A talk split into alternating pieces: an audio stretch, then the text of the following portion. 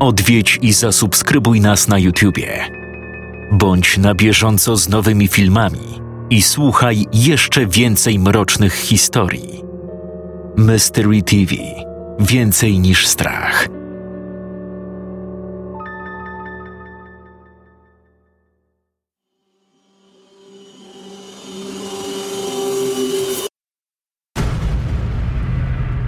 Siedmiu autorów. Siedem mrocznych opowiadań w świątecznym klimacie. Upiorne święta. Tylko na www.mysterytv.pl.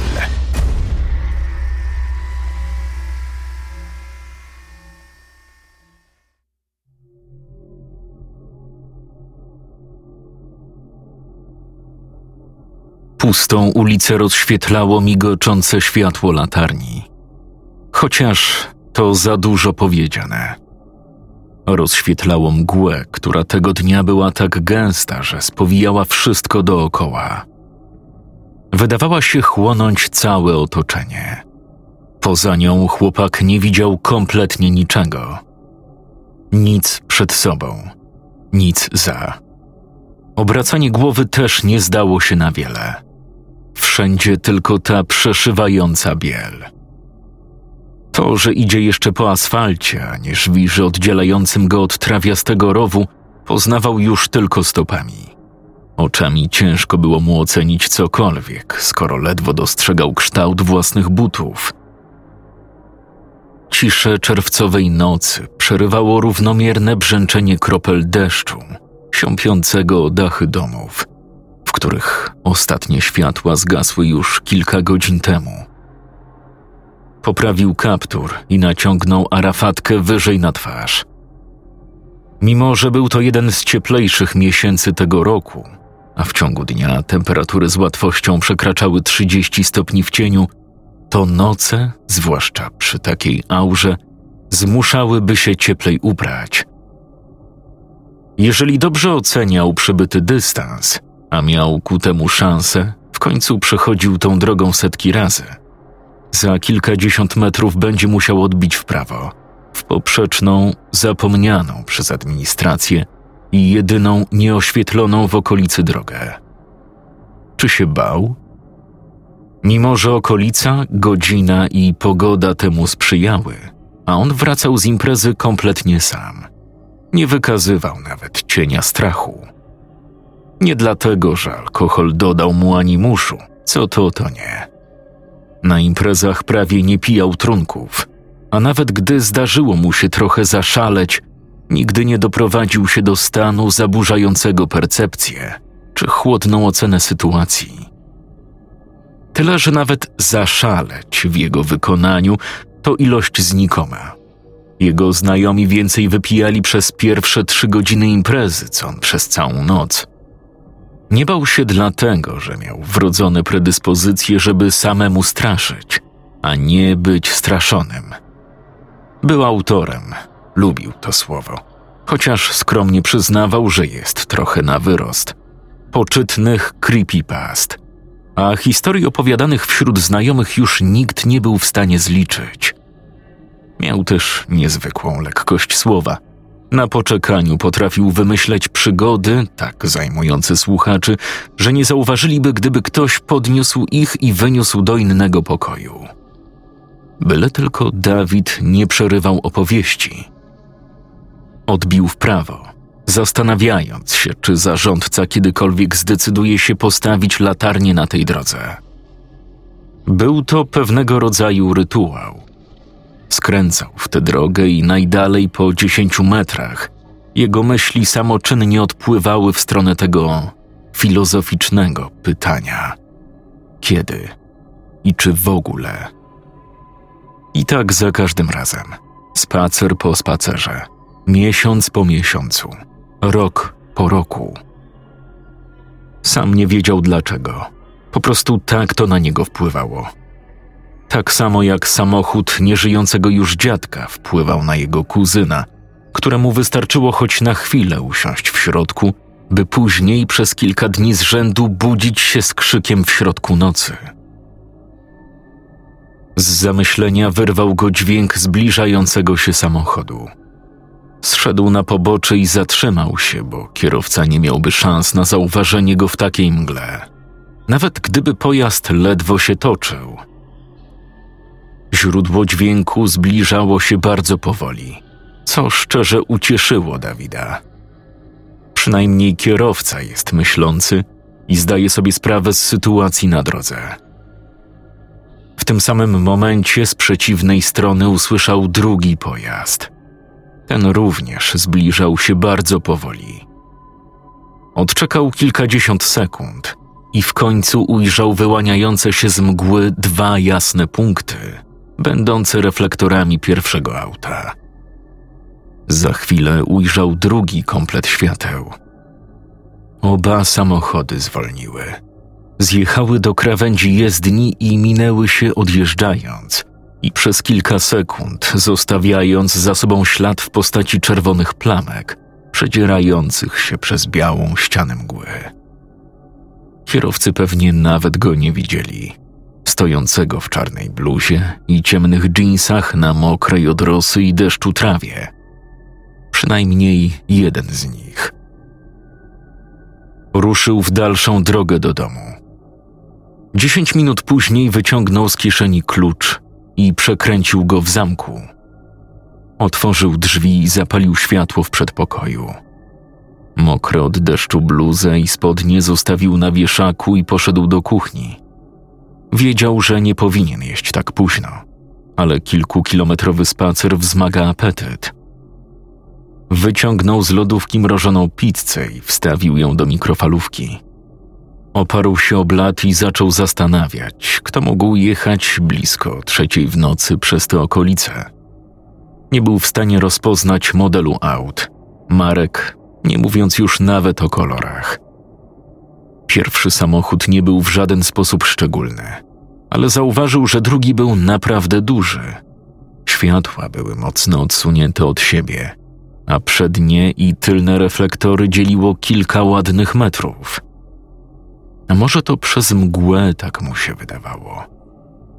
W pamięci zapisał mu się także dźwięk silnika. Mimo, że wał kręcił się z niewielką prędkością, czuć było drzemiącą w nim moc. I to charakterystyczne bulgotanie. Motoryzacyjne maniaki natychmiast rozpoznaliby w tej jednostce amerykańskie V8, ale Dawid nie był motoryzacyjnym maniakiem. Głośne piknięcie mikrofalówki wyrwało go z zadumy nad autem. Otworzył drzwiczki i ubrany w same bokserki i szary podkoszulek usiadł przy niewielkim stole. Nie myśląc już kompletnie o niczym, zjadł pizzę i położył się na kanapie w salonie z zamiarem obejrzenia jakiegoś nocnego, czy też porannego już, programu w telewizji. Przytulił głowę do niewielkiej pluszowej poduszki i zmęczenie wzięło górę. Zanim zdążył odnaleźć pilota, usnął z ręką na miękkim dywaniku, który dostał od rodziców w prezencie z okazji wyprowadzki do własnego domu.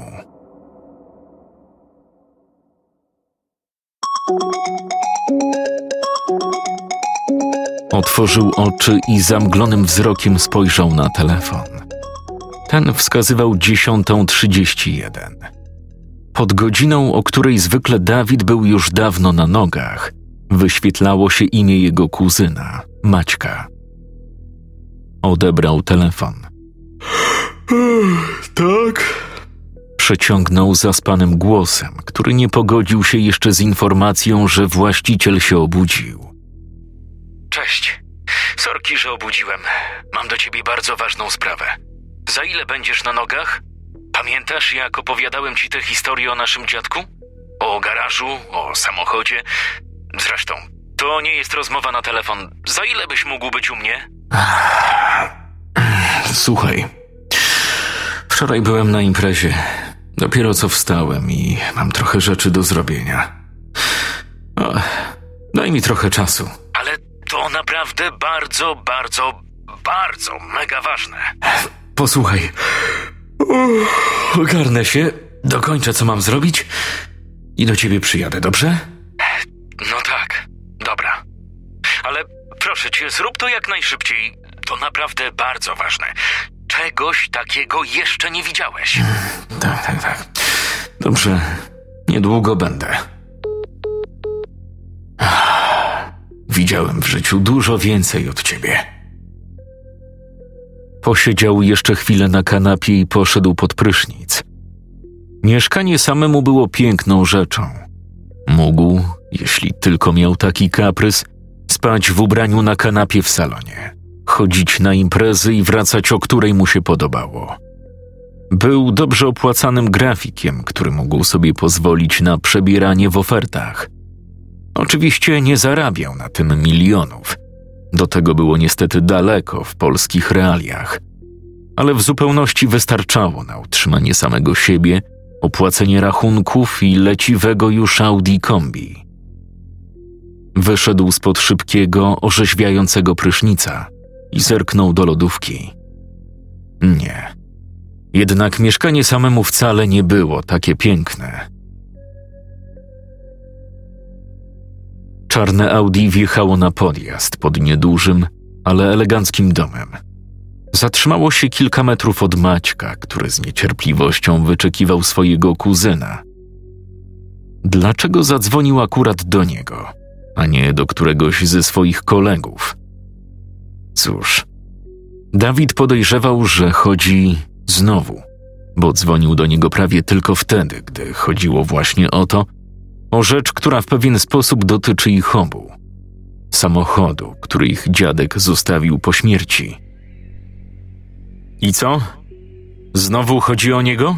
Zaczął Dawid, podchodząc do dużego garażu. Tak, słyszałem, widziałem. Widziałem tej nocy. Jak znowu. Jak znowu to robi.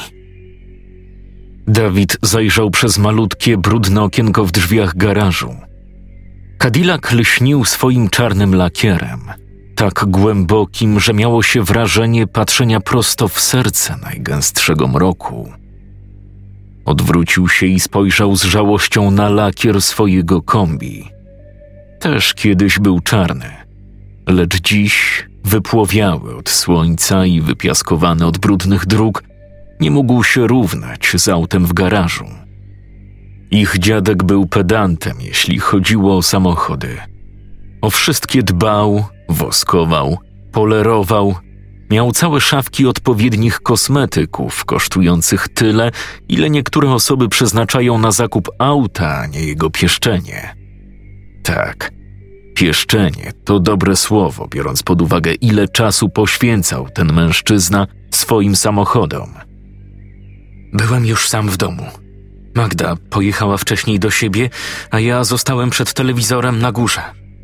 I w pewnym momencie coś błysnęło za oknem. Myślałem, że zanosi się na burzę, ale ledwo co siąpiło. Do tego była taka dziwna mgła. Na pewno ją widziałeś. Tak, na pewno. I w garażu jakby zapaliły się światła. Ale nie górne świetlówki, bo to bym poznał. Wyglądało jakby on. Jakby ktoś zapalił w nim światła. Przecież sam mówiłeś, że była mgła. Może ci się przewidziało. Tak, była, ale nie aż taka. To było blade, żółte światło, dosłownie jak z reflektorów samochodu. Podeszli do okna od strony domu. Dawid wymownie spojrzał na szybę, która za sprawą brudu szybą była już tylko z nazwy. Serio? Jesteś w stanie określić, że przez tak upieprzone okno w środku nocy i to w mocno zamglonej widziałeś światła tego samochodu? No mówię ci. Tak to wyglądało, przysięgam. Dawid stwierdził, że lepiej będzie przytakiwać. Tego chłopaka i tak nic teraz nie przekona, że wzrok płatał mu figle. No dobrze.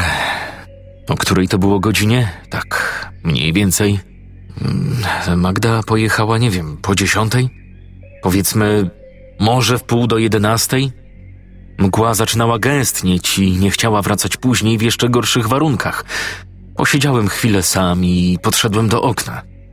może pół godziny później, ale na pewno jeszcze przed północą. Dawid pomyślał, że o tej godzinie siedział jeszcze w najlepsze na prywatce u znajomych. I znając przebieg takich imprez, połowa gości właśnie usypiała od nadmiaru alkoholu, a druga połowa namawiała go do opowiedzenia jakiejś fajnej historii, która umiliłaby im czas. Zadziwiające jest to, jak bardzo ludzie lubią się bać. Próbowałem jeszcze coś wypatrzeć, ale o pierwszej nie widziałem nawet garażu, nie mówiąc o czymkolwiek więcej. Poczekałem jeszcze dziesięć minut, licząc, że mgła odpłynie, ale ta stawała się coraz gęstsza, więc dałem sobie spokój i poszedłem do łóżka. Dawid mógłby zapytać, dlaczego mając wyraźne podejrzenia, że coś dziwnego dzieje się z Cadillaciem, po prostu nie zszedł na dół i tego nie sprawdził. Ale byłoby to pytanie zupełnie bezsensowne. Tak samo jak on pozostawał niewzruszony na wszelkiego rodzaju horrory, creepypasty i straszenia, tak jego kuzyn przeżywał dogłębnie wszystkie z nich. Nic by go nie zmusiło do samotnego wyjścia z domu w środku nocy, gdyby coś na dworze stuknęło, nawet gdyby rozdawali pieniądze wiadrami. Ale czego oczekiwać po człowieku, który musiał przez trzy dni spać przy zapalonym świetle po zobaczeniu Smile JPG? Ja wracałem do domu po drugiej. Faktycznie, mgła była ogromna. Chyba nigdy nie widziałem jej tak gęstej. Maciek spojrzał tak, jakby nagle okazało się, że jego kuzyn jest przybyszem z innej planety. No i co? Chciałeś, żebym przyjechał tylko po to? Przecież równie dobrze mogło nie dziać się tu nic niezwykłego. O, nie, nie, nie. Możemy mieć przed sobą największą zagadkę ludzkości, a ty jesteś takim ignorantem? Uwielbiał, jak jego kuzyn wyolbrzymiał wszystko w tak poetycki sposób. Jedno było pewne. Mieli przed sobą niezwykłą zagadkę. Tajemnicę, w jaki sposób ich dziadek kilkadziesiąt lat temu zdołał sprowadzić dla siebie tak luksusowy samochód. Chyba nikt w rodzinie nie wiedział tego dokładnie. Może babcia powiedziałaby coś więcej, ale nigdy nie zdołali jej o to wypytać. Zniknęła kilka lat przed tym, jak Maciek zachorował na motoryzacyjnego bakcyla i chłonął jak gąbka wszystko, co było z nim związane. Pewnego razu dziadek wrócił do domu z cotygodniowego brydża u znajomych, a babci już nie było w domu. Pamiętał tylko, że była wtedy taka straszliwa mgła. Wiesz, że odkąd tu mieszkam, miałem dziwne sny ale jeszcze nigdy nie wydarzyło się coś takiego. Dawid pamiętał doskonale, jak po pogrzebie dziadka wszyscy porządkowali dom, przed którym właśnie stali. A Maciek poszedł do garażu i używając całej siły, jaką tylko miał, wytoczył Cadillaca na podjazd. Czarny lakier cudownie kontrastował z błyszczącymi chromami, a całość wcale nie była tak zakurzona, jak mogłoby się wydawać. Od niewielkie pyłki tu i tam. Idealnie przejrzyste szyby, czarne jak smoła opony z białymi jak suknia ślubna pasami. Idealnie czysta, biała skórzana tapicerka, ciemnoczerwona wykładzina, która wyglądała jakby nigdy nikt nie postawił na niej nogi w czymś więcej jak skarpeta – jednak to wszystko nie przeszkadzało Maćkowi, który przywlókł dwa wielkie pudła pełne kosmetyków i, jak to nazwał, zaczął zabezpieczać samochód. Kilka dni pracy, w efekcie czego idealnie przejrzyste szyby stały się jeszcze bardziej przejrzyste. Czarna guma opon jeszcze bardziej kontrastowała z jej jeszcze bielszymi pasami. Idealnie zadbana tapicerka stała się jeszcze bardziej idealna i tak dalej, i tak dalej. Jednak największe wrażenie robił lakier. Mimo, że odbijał światło jak lustro, to miał niesamowitą głębię.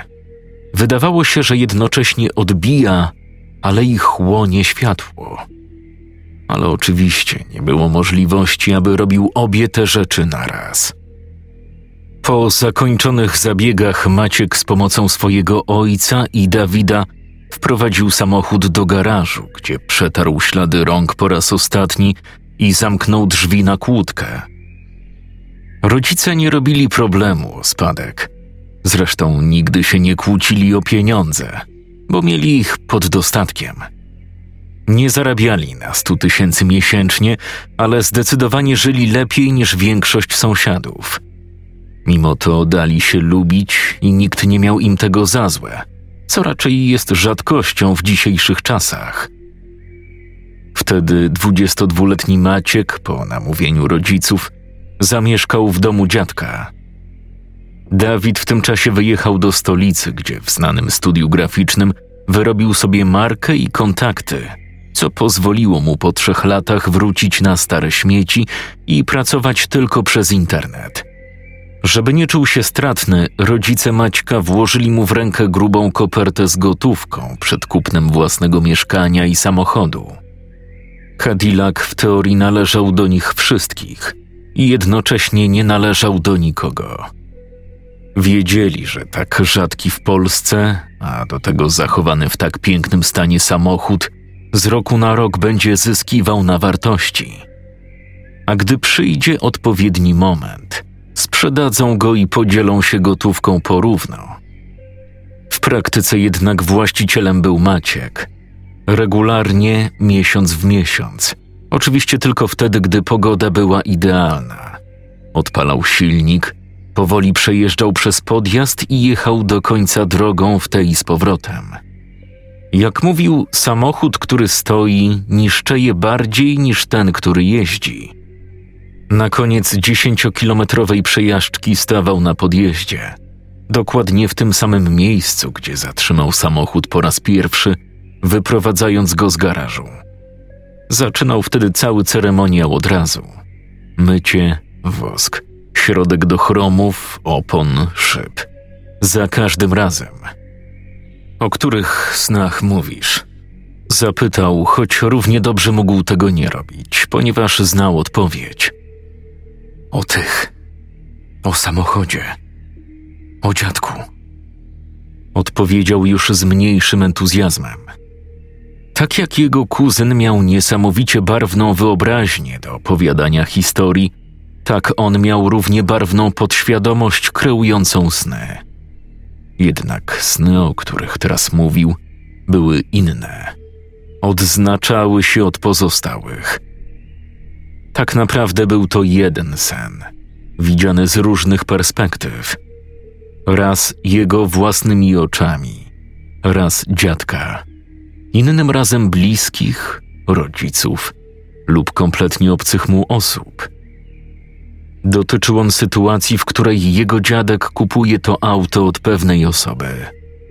Jednak mimo, że upłynęły już trzy lata i sen pojawiał się, dobre określenie na powód, dla którego budzisz się w środku nocy zlany potem wielokrotnie, to nigdy nie udało mu się dostrzec twarzy sprzedawcy. Zawsze budził się na chwilę przed. Nadal cię męczą? Tak. Chciałbym się dowiedzieć, dlaczego ten sen ciągle się pojawia. Dlaczego nigdy nie widzę twarzy sprzedawcy? I co to wszystko oznacza? Wiesz, co to oznacza? Powiem ci, młody.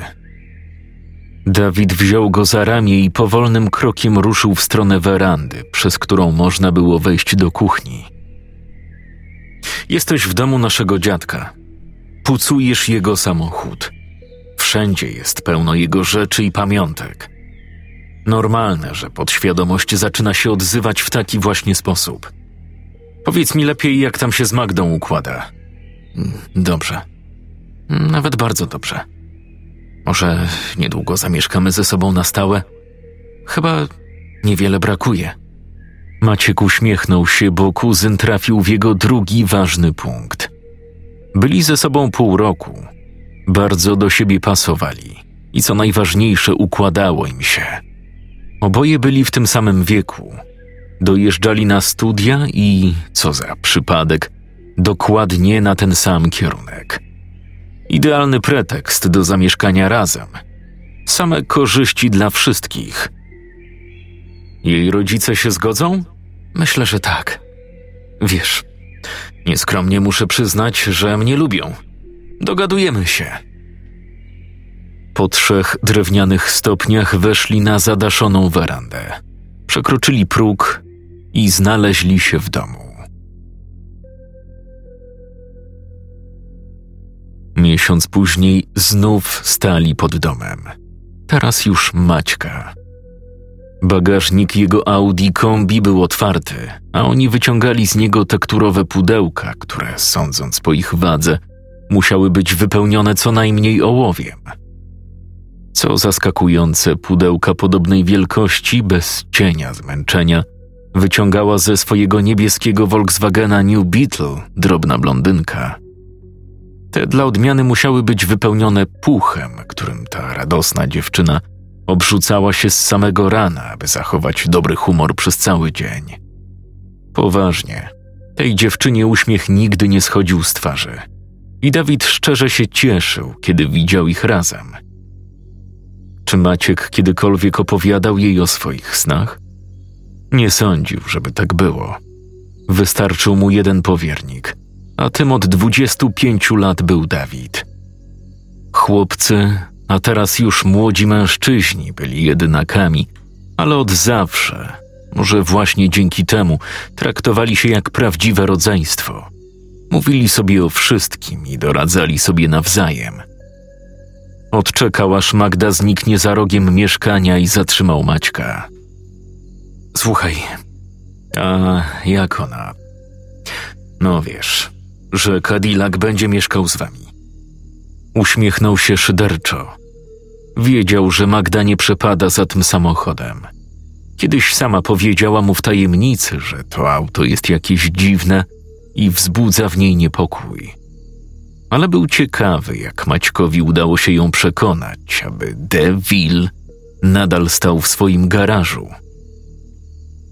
Obiecałem jej, że jak tylko wydarzy się coś dziwnego, przewieziemy samochód do moich rodziców. I dotrzymasz słowa? Wiesz, nie wiem. Nie wiem, jak ona będzie rozumiała coś dziwnego. Ale myślę, że się przyzwyczai. No tak. Czego innego mógł się spodziewać po sobie tak ślepo zakochanej w tym aucie? Wzięli kolejne zatrważająco ciężkie pudełka i zanieśli je na piętro, gdzie Magda właśnie się urządzała. Gołąbeczki w końcu zamieszkają razem. 14 sierpnia dawał się we znaki już od pierwszych promieni wschodzącego słońca. Powietrze było rześkie, ale dało się odczuć, że najpóźniej w południe będą marzyć, aby zanurkować w basenie z chłodną wodą i pić litrami gazowane napoje prosto z lodówki. Jednak zanim sobie na to pozwolą, czeka ich jeszcze blisko 400-kilometrowa trasa. Minęła jedenasta i na podjeździe wspólnego domu Maćka i Magdy, którym związek rozkwitał w takim tempie, że już zaczęły pojawiać się przebąkiwania o ślubie, zaparkowało Audi. Czarne kombi, które za sprawą Maćka i jego pudełek pełnych płynów, past, cieczy i przedmiotów, których nazw Dawid nie potrafił wymówić, odzyskało dawny blask. Lśniło i migotało w porannym słońcu. Nadal oczywiście nie zbliżyło się do magicznej głębi Cadillaca, ale i tak Maćkowi udało się sprawić, że samochód wygląda na dwa razy droższy niż jeszcze przed dwoma tygodniami. Dawid siedział we wnętrzu i bawił się radiem, co chwila spoglądając w kierunku przeszklonych drzwi wejściowych. Teraz już nikt takich nie robi. Względy bezpieczeństwa. Ale w czasach, gdy dom budowali ich dziadkowie, nikt się takimi rzeczami nie przejmował. Po przeskoczeniu piątej piosenki drzwi otworzyły się i przeszedł przez nie Maciek. Zrobił dwa kroki i odwrócił się. Po chwili wybiegła za nim Magda. Rzuciła mu się na szyję, wycałowała go po całej twarzy i z tym rozbrajającym uśmiechem niewiniątka pomachała w stronę Dawida. Odmachał jej i odwzajemnił uśmiech. Miłość. Muszą się nacieszyć. Maciek przytruchtał do samochodu. Złapał za klamkę i wsiadł do środka. Wybacz, stary. Nie chciała mnie wypuścić. Zapinaj pasy i jedziemy. Dawid wycofał samochód i ruszył w kierunku, w którym Maciek zawsze urządza przejażdżki Cadillaciem. Chociaż on nie nazywa tego przejażdżkami. On jedzie rozruszać wszystkie mechanizmy, żeby się nie zastały. Samochód niejeżdżony niszczy je bardziej niż używany, pamiętajcie. Magda stała jeszcze przed drzwiami. Odmachali jej obaj i po kilkuset metrach zniknęli z pola widzenia. Dawid namówił młodszego kuzyna, żeby ten, skoro nie używa Cadillaca zgodnie z przeznaczeniem, kupił sobie w końcu jakieś auto i nie jeździł tym damskim garbuskiem. Powtarzał te słowa tak często, że wyrył je Maćkowi w głowie dokładnie w ten sam sposób, co on jemu. Coś za coś. Jechali obejrzeć, a właściwie kupić, bo wcześniej sprawdził je znajomy Maćka, szare, piętnastoletnie Volvo. Niestety droga nie obyła się bez przeszkód.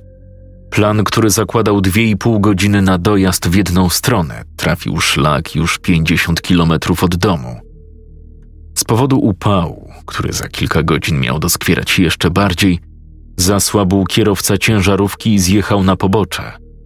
Szczęśliwie nie rozjeżdżając niczego więcej poza szyldem przydrożnego baru. Jednak i to wystarczyło, żeby do celu dotarli dopiero o szesnastej.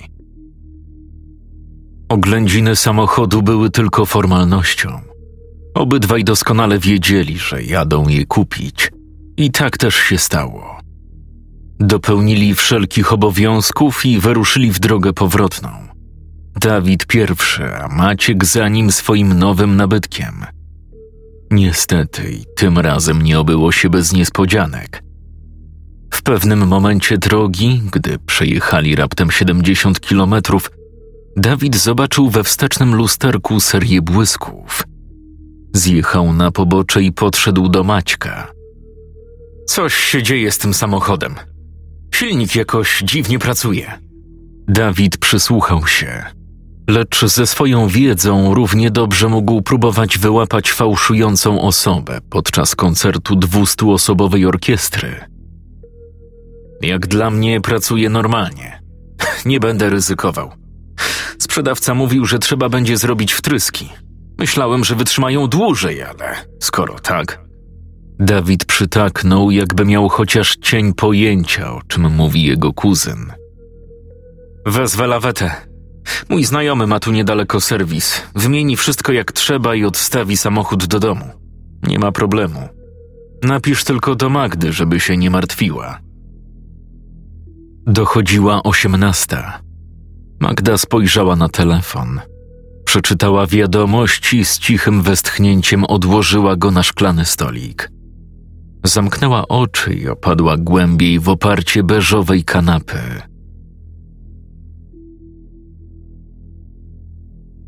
Kierowca lawety pożegnał się z kuzynami i ostrożnie ruszył w stronę swojego warsztatu.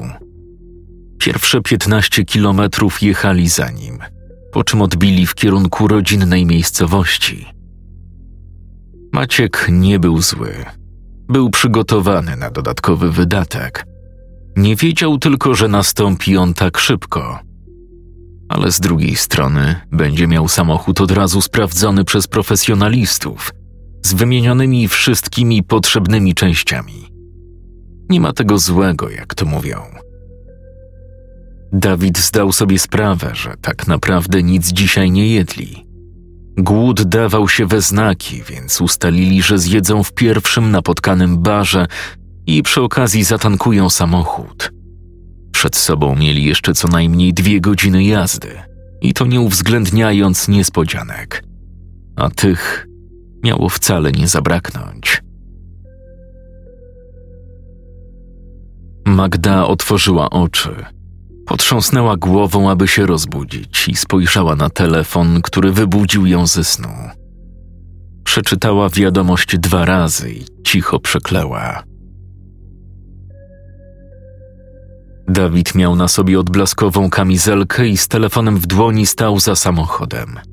Maciek w tym czasie, siedząc na kole zapasowym, podnosił na lewarku prawą stronę Audi. Przynajmniej nie pada. Bardzo zabawne. Coś nam dzisiaj nie żre. Dawid schował do bagażnika przedziurawione koło, a Maciek dokręcił ostatnią śrubę i podniósł wzrok. Zmrużył oczy i zaczął wpatrywać się w poprzeczną drogę, po której, jak mu się zdawało, jechał jakiś samochód. Chociaż słowo jechał nie pasowało do tego, co widział. Ten samochód raczej płynął nad drogą. Miał dziwnie znajomy kształt, słabo widoczny przez narastającą mgłę. Ale. No dajesz czy nie? Co? Ech, widziałeś ten samochód? Klucz czy mi dajesz? Chcę schować i stąd jechać. Jaki samochód? Maciek spojrzał na boczną drogę, na której jeszcze chwilę temu widział ciemny kształt. Była absolutnie pusta. Ech, wydawało mi się. Mam wrażenie, że ten twój Cadillac jest o ciebie strasznie zazdrosny. Wsiedli do auta i ruszyli do domu. Dawid włączył światła przeciwmgielne, ale mimo tego nie był w stanie jechać szybciej. Byli maksymalnie 30 kilometrów od domu. Ale mgła zgęstniała tak bardzo, że nic nie widział i musiał zwolnić do 20 kilometrów na godzinę, co w takich warunkach i tak było ryzykowne. Maciek zaczął opowiadać.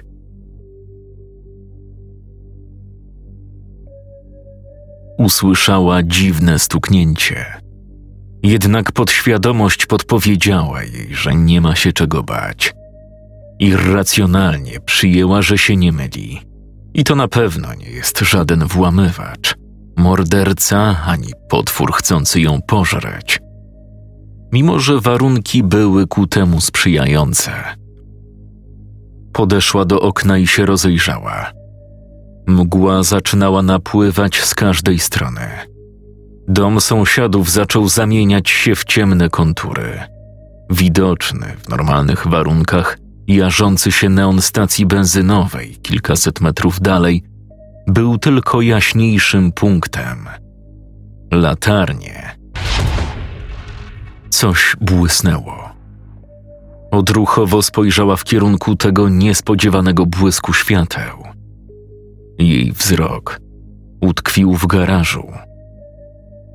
Patrzyła uważnie i dostrzegła drugi błysk. Zupełnie jakby ktoś był w środku i bawił się reflektorami samochodu. Wiedziała, że taka sytuacja Maćka przeraziłaby śmiertelnie, ale ją zaciekawiła. Zaciekawiła ją tak bardzo, że postanowiła zejść na dół. Założyła gruby polar wiszący w przedpokoju. Wciągnęła buty na nogi. Świadomie nie brała latarki. Zapaliła tylko światło przed drzwiami. Ono w zupełności wystarczało, aby oświetlić dystans dzielący ją do garażu. A w środku też przecież było światło. Przymknęła drzwi, nie zamykając ich całkowicie, i ruszyła. Wiesz, miałem kolejny sen. Sen z tamtej serii, że tak go nazwę.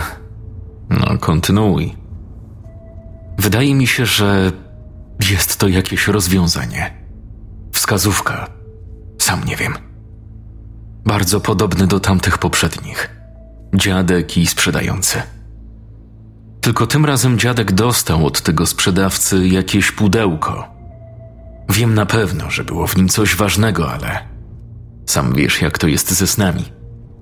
Obudziłem się w najmniej odpowiednim momencie. A pamiętasz, co to było za pudełko? Jak wyglądało? Nic. Kompletnie. Po prostu wiem, że to było bardzo ważne pudełko.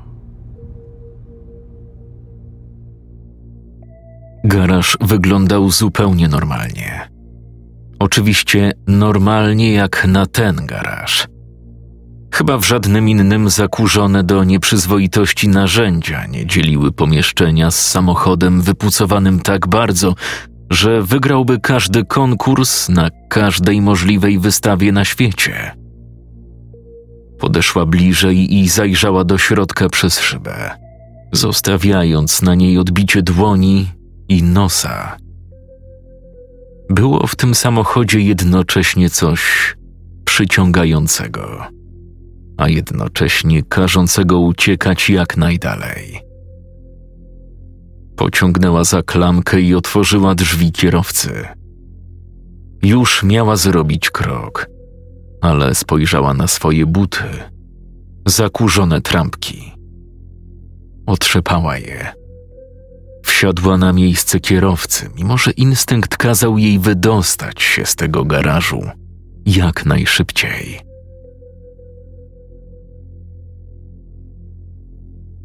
Maciek wyciągnął telefon. Wybrał numer swojej dziewczyny i przyłożył do ucha. Pierwszy sygnał, drugi. Za chwilę zrobił się dziesiąty. Ech, nie odbiera. Może śpi. Może. Ale w jego głosie nie było pewności. Czuł, że żołądek zaczyna mu się kurczyć, jakby ściskany niewidzialną ręką.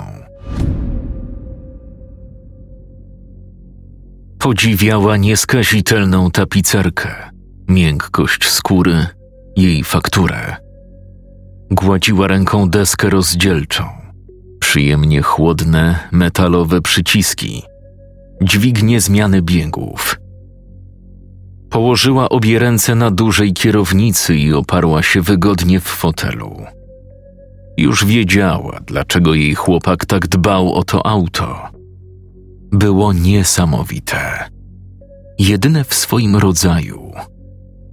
Zamknęła oczy. W tym samym czasie telefon wibrował na szklanym stoliku i grał wesołą melodię, chyba z jakiejś kreskówki. Nieprzerwanie. Raz po raz. Otworzyła oczy i przerażona wyprostowała się, jakby rażona prądem. Silnik, muskularne, widlaste, ośmiocylindrowe monstrum bulgotał na wolnych obrotach. Przerażona spojrzała na dłonie. Czy któraś z nich nieświadomie nie uruchomiła rozrusznika? Ale obie spoczywały na kierownicy. Puściła ją z obrzydzeniem i szarpnęła za klamkę do otwierania drzwi ani drgnęły. Zaczęła szarpać z całych sił wszystkie klamki po kolei. Ale efekt przy każdej próbie był taki sam. Samochód ją miał i nie chciał wypuścić. Zaczęła krzyczeć. Maciek już nie odkładał telefonu. Gdy tylko odzywała się automatyczna sekretarka, ponawiał połączenie. Bał się już nie na żarty. Byli dwa kilometry od domu, gdy z naprzeciwka dojrzeli dwa jasne, zbliżające się punkciki. Stawały się coraz większe. Zrozumieli, że to światła samochodu nadjeżdżającego z naprzeciwka. Dawid zwolnił jeszcze bardziej, o ile to możliwe, jadąc 10 kilometrów na godzinę i dokleił się do prawej krawędzi jezdni. Samochód z naprzeciwka zrobił to samo. Minął ich i zniknął w gęstej jak mleko mgle. Dawidowi z czymś się skojarzył ten kształt samochodu, ale nie mógł sobie przypomnieć z czym.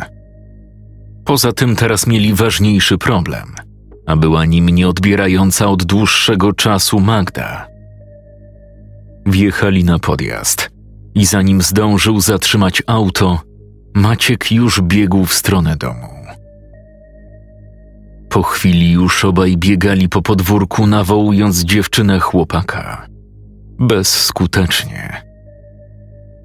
Dawid z tamtej nocy pamięta tylko błyskające niebiesko-czerwone koguty, próbujące przebić nieprzeniknioną mgłę a także policjantów, którzy zadawali im masę pytań. Policjantów, którzy wypytywali sąsiadów, ale żaden z nich nie zauważył niczego niepokojącego. Policjantów, którzy dokładnie przeszukali cały dom. Zebrali odciski palców z różnych przedmiotów, a na końcu sprawdzili nawet garaż. Garaż, w którym stał piękny, czarny Cadillac DeVille z idealnie przejrzystymi szybami. Nadszedł koniec września. Maciek próbował, ale nie mógł pogodzić się ze zniknięciem swojej ukochanej. Policja i ochotnicy szukali jej od wielu tygodni. Niestety bezskutecznie. Nie było żadnych śladów włamania, porwania. Po prostu jakby rozpłynęła się we mgle. Chłopak próbował choć na moment uciec myślami od tej ponurej sytuacji, ale mimo próbowania różnych rozwiązań, jedynym w miarę skutecznym był, a jakże, Cadillac. Maciek był w trakcie jednego ze swoich ceremoniałów mycie, wosk, opony. Gdy pod domem stanęło Audi kombi. Nawet go nie zauważył, dopóki Dawid nie położył mu ręki na ramieniu. Jak się czujesz, młody? Jakoś leci. Całymi dniami zastanawiam się, co się wtedy wydarzyło. W tamtą noc. To daje mi ukojenie. Nie wiem, jak to działa, ale się udaje.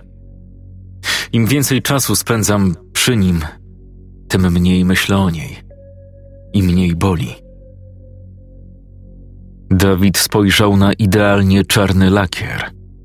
W słońcu odbijał światło jeszcze bardziej i jednocześnie jeszcze bardziej je pochłaniał. Paradoks. Chcesz się przejechać? Spojrzał na kuzyna. Zdał sobie sprawę, że nigdy mu tego nie proponował. A jak się dłużej zastanowił, to nigdy nie widział tego Cadillaca w ruchu. Poza dniem pogrzebu, gdy wpychali go do garażu. No, chętnie, jeśli nie nabrudzę. Wysilił się na ten żart i towarzyszący mu uśmiech. Jemu też nie było łatwo pogodzić się ze zniknięciem Magdy. Wsiedli do środka. Dawid po raz drugi w ciągu kilku minut zdał sobie sprawę, że robi coś pierwszy raz. Podziwiał. Chłonął każdy centymetr wnętrza, każdy wypieszczony detal. Nie siedział nigdy w tym samochodzie. Nawet gdy jeszcze żył dziadek, nigdy nie pozwalał im wejść do środka.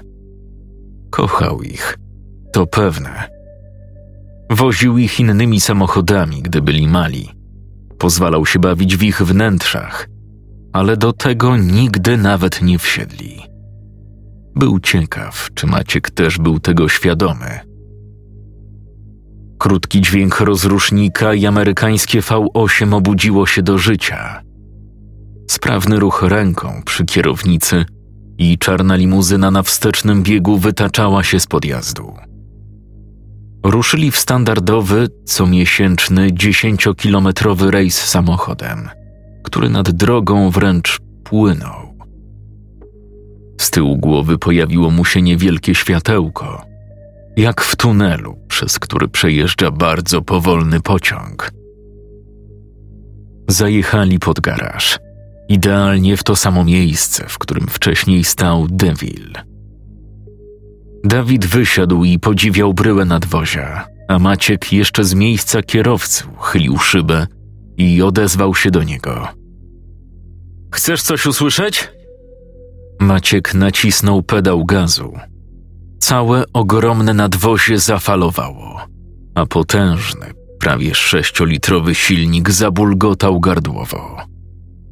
Dźwięk nie do opisania i nie do porównania z żadnym samochodem, z którym mieli do czynienia. Amerykańskie V8. Zrobił tak jeszcze parę razy i pozwolił popracować chwilę na wolnych obrotach. Pociąg nadjechał. Dawida oblał zimny pot. Jak myślisz, ile osób w okolicy może mieć podobny samochód? Takiego Amerykańca? w promieniu kilkudziesięciu kilometrów raczej nikt. Prześledziłem każdy wątek na forach internetowych, każdą rejestrację w Polsce. Niczego w pobliżu. Wariat. Po prostu wariat. Dawid mu uwierzył.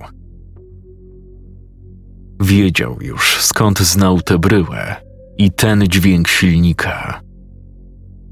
Przypomniał sobie tę noc, kiedy samotnie wracał z imprezy i minęły go dwa samochody. Czy już wtedy Cadillac próbował go dorwać? Tak samo jak porwał Magdę, a dawno temu ich babcię. Nie udało mu się, bo ktoś nadjechał z naprzeciwka i tym samym uratował mu życie. Bo Cadillac nie lubi, a może nie może mieć świadków.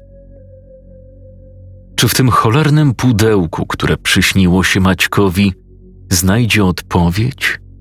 Rozwiązanie tej pieprzonej zagadki? To wszystko było tak dziwne, że nawet przez chwilę nie próbował odrzucić pudełka z jednego snu jako rozwiązania największej tajemnicy jego życia. Musiał poznać odpowiedź, poznać ją jak najszybciej. Była to kolejna od czasu zniknięcia Magdy noc, kiedy zdecydował się spać u Maćka. Widać było, że młodszemu kuzynowi dobrze robi jego obecność, racjonalna i trzeźwo myśląca ostoja spokoju. Mógł bez przeszkód wygadać się ze swoich żali, poradzić, a przeważnie po czasie ich rozmowy schodziły na zupełnie różne tematy, dając mu widoczną ulgę. Ale tej nocy Dawid nie był dobrym słuchaczem. Cały wieczór analizował sen Maćka i doszedł do wniosku, że jeżeli to pudełko naprawdę istnieje, to musi być w tym garażu. Cały dom był gruntownie przejrzany w pierwszy tydzień po pogrzebie. Był pewny, że nikt nie znalazł żadnego niezwykłego pudełka. Dawid poczekał aż Maciek uśnie i po cichu wyszedł z domu. Za żadne skarby nie zrobiłby tego, gdyby na dworze pojawił się chociaż cień mgły.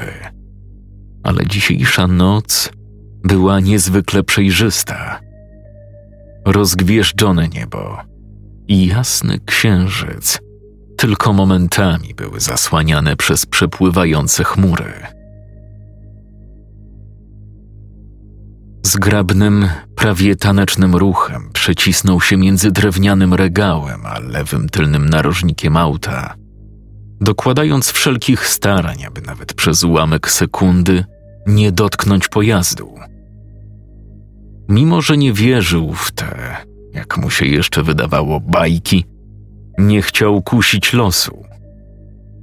Przez niewielkie, niemyte latami okno wpadały pojedyncze promienie nocnego nieba, które usilnie, jakby nie zdając sobie sprawy z własnej niemocy wobec napływających chmur, próbowały rozświetlić drewniany blat z imadłem – Chłopak przeszedł przez garaż, omijając ciemne plamy na podłodze. Mimo, że olej, który je zrobił, wysechł już lata temu, pozostawało w nim irracjonalne wrażenie, że dzisiejszej nocy są jakieś inne, jakby żywe. Przez głowę przebiegła mu króciutka myśl, że to krew tego auta. Odrzucił ją, naśmiewając się w duchu z samego siebie. Minął wielką paździerzową płytę, na której wisiały skrzętnie posegregowane klucze. Robił coraz mniejsze kroki. Znieruchomiał, gdy znalazł się na wysokości przedniego zderzaka. Musiał przyzwyczaić wzrok. Niemrawe promyki gwiazd niewiele już tutaj dawały, a cel jego podróży znajdował się trzy metry przed maską Cadillaca. Zrobił jeszcze dwa kroki i zaczął dostrzegać kontury poszczególnych przedmiotów. powoli omiatał je wszystkie wzrokiem, poszukując tego jednego, konkretnego pudełka, w którym było. No właśnie, w którym było co?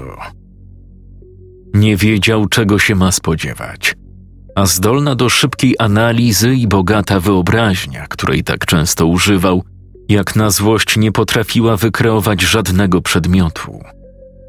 Czy to będzie kluczyk do szkatułki, w której na dnie znajdzie brudną kartkę z napisanym wyjaśnieniem tej niezwykłej historii? Książka ze wskazówkami, jak dotrzeć do zakopanej w lesie skrzyni, gdzie znajduje się dziwny rodzaj skarbu? Nie miał pojęcia. W końcu źródłem tej informacji był tylko sen.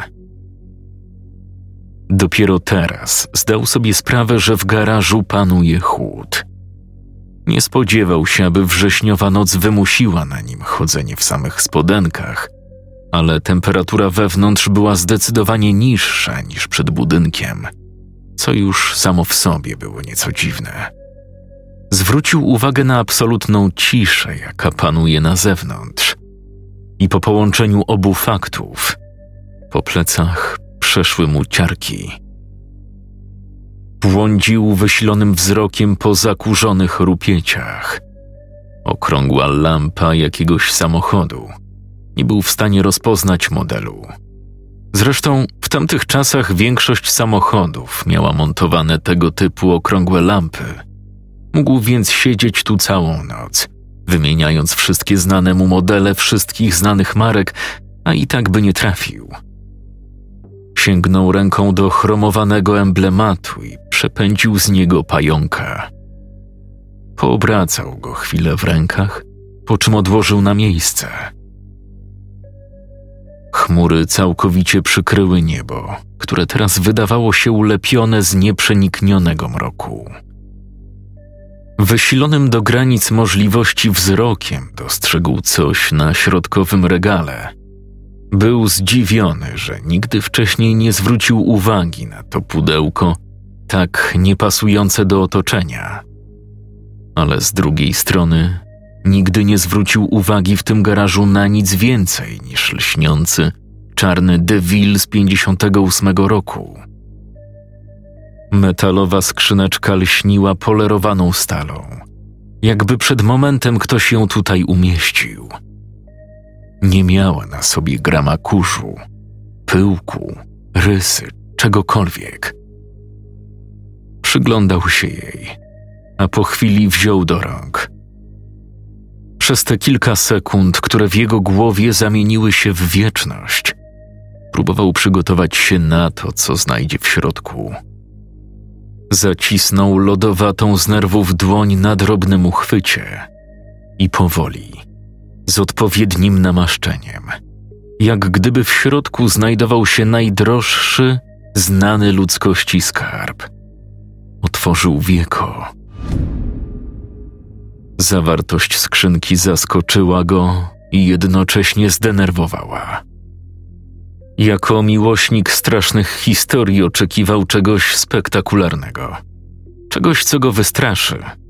Ale tak naprawdę, że zapamięta ten dzień na zawsze. Był zły, bo w środku nie znalazł kompletnie niczego. Podniósł pudełko nad głowę. Odwrócił i z nadzieją, że zaraz wypadnie fałszywe dno, pod którym ktoś schował jakąś wskazówkę, Potrząsnął nim energicznie. Nic nie wypadło. Pudełko było puste. Żadnego trzęsienia ziemi, żadnych fajerwerków.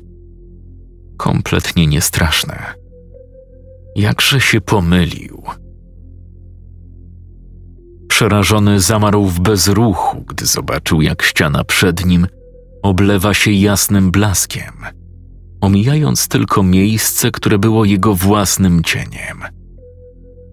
Spojrzał na pudełko, które trzymał w dłoniach i zobaczył na nim odbicie dwóch jasnych, okrągłych źródeł światła. W sekundę zrozumiał, że historia, którą mu opowiadali, była prawdziwa. Że ten samochód naprawdę żyje. Zaraz go pożre I jeszcze bezczelnie zapalił światła, żeby ten głupi niedowiarek w końcu przekonał się na własnej skórze. Mimo, że lodowaty pot lał się po nim strumieniami, a nogi miał miększe od waty cukrowej, spróbował. I sam nie wie do tej pory, jak mu się to udało. Odwrócić i spojrzeć swojemu przeznaczeniu prosto w oczy, lub prosto w lampy. Po kilku długich minutach, które tak naprawdę były tylko sekundami, dotarło do niego, na co patrzy. Zaczął się śmiać. Najpierw w myślach, później na głos. Aż w końcu jego głośny śmiech wypełnił cały garaż. Przyzwyczajony do ciemności wzrok spłatał mu figla i potraktował blask księżyca w pełni jako światła śnieżno-białego pojazdu. Śmiał się z samego siebie, że takiego mistrza grozy przestraszył zwykły księżyc. Zdał sobie sprawę, że nadal trzyma lśniące pudełko w wyciągniętych do góry dłoniach. Upuścił je z uśmiechem na ustach na betonową posadzkę. Głuchy łoskot wraz z powstałym echem mógł sugerować, że pudełko było o wiele cięższe, a pomieszczenie o wiele większe. W tym momencie zapaliły się wszystkie cztery przednie lampy Cadillaca. I Dawid natychmiast przestał się śmiać.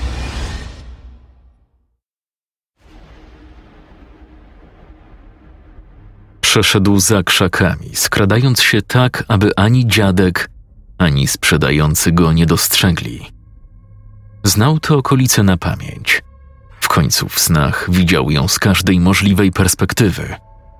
Wiedział, którędy iść, za czym może się schować i na co szczególnie uważać, aby nie zdradzić swojej pozycji. Starszy mężczyzna przystanął w miejscu. Nie był drobnej postury, ale jego metr osiemdziesiąt wzrostu i dziewięćdziesiąt kilogramów wagi niknęło w towarzystwie drugiego mężczyzny. W jakim był wieku? Tego Maciek nie mógł stwierdzić, ale był wysoki, bardzo wysoki. Wyglądał, jakby miał dwa metry wzrostu i był przy tym niezwykle szczupły. Dręczyła go ciekawość, wwiercała się w jego umysł. Najbardziej ostrożnymi ruchami, na jakie tylko mógł się wysilić, zbliżał się do mężczyzn. Był już tak blisko, że prawie słyszał ich szepty. Więc mówisz, że mogę go kupić za jednego dolara? Pod warunkiem, że coś ci obiecam? Przecież ten samochód musi być wart fortunę. Dlaczego chcesz to zrobić? Pytał zaskoczony dziadek. Nie mogę odpowiedzieć. Musisz tylko tutaj podpisać własną. Maciek zamarł z przerażenia. Dziadek i drugi mężczyzna odwrócili się gwałtownie w jego stronę.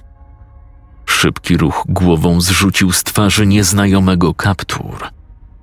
Maciek na nią spojrzał i już wiedział, że to nie jest twarz normalnego człowieka. Miała ciemnoczerwoną barwę, przeszywające spojrzenie całkowicie czarnych oczu i rogi. Tak, rogi były najgorsze. Obudził się z krzykiem, oblany lodowatym potem, który płynął po całym jego ciele stróżkami.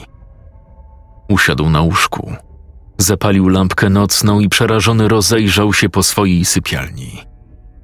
Wszystko wyglądało normalnie, więc próbował uspokoić płytki oddech. Opadł na poduszkę i tłumacząc sobie, że to tylko koszmar, odetchnął z ulgą. I wtedy bardzo blisko siebie. Usłyszał najbardziej przeraźliwy krzyk, jaki tylko mógł wydobyć się z ludzkiego gardła. Krzyk Dawida, dochodzący z garażu.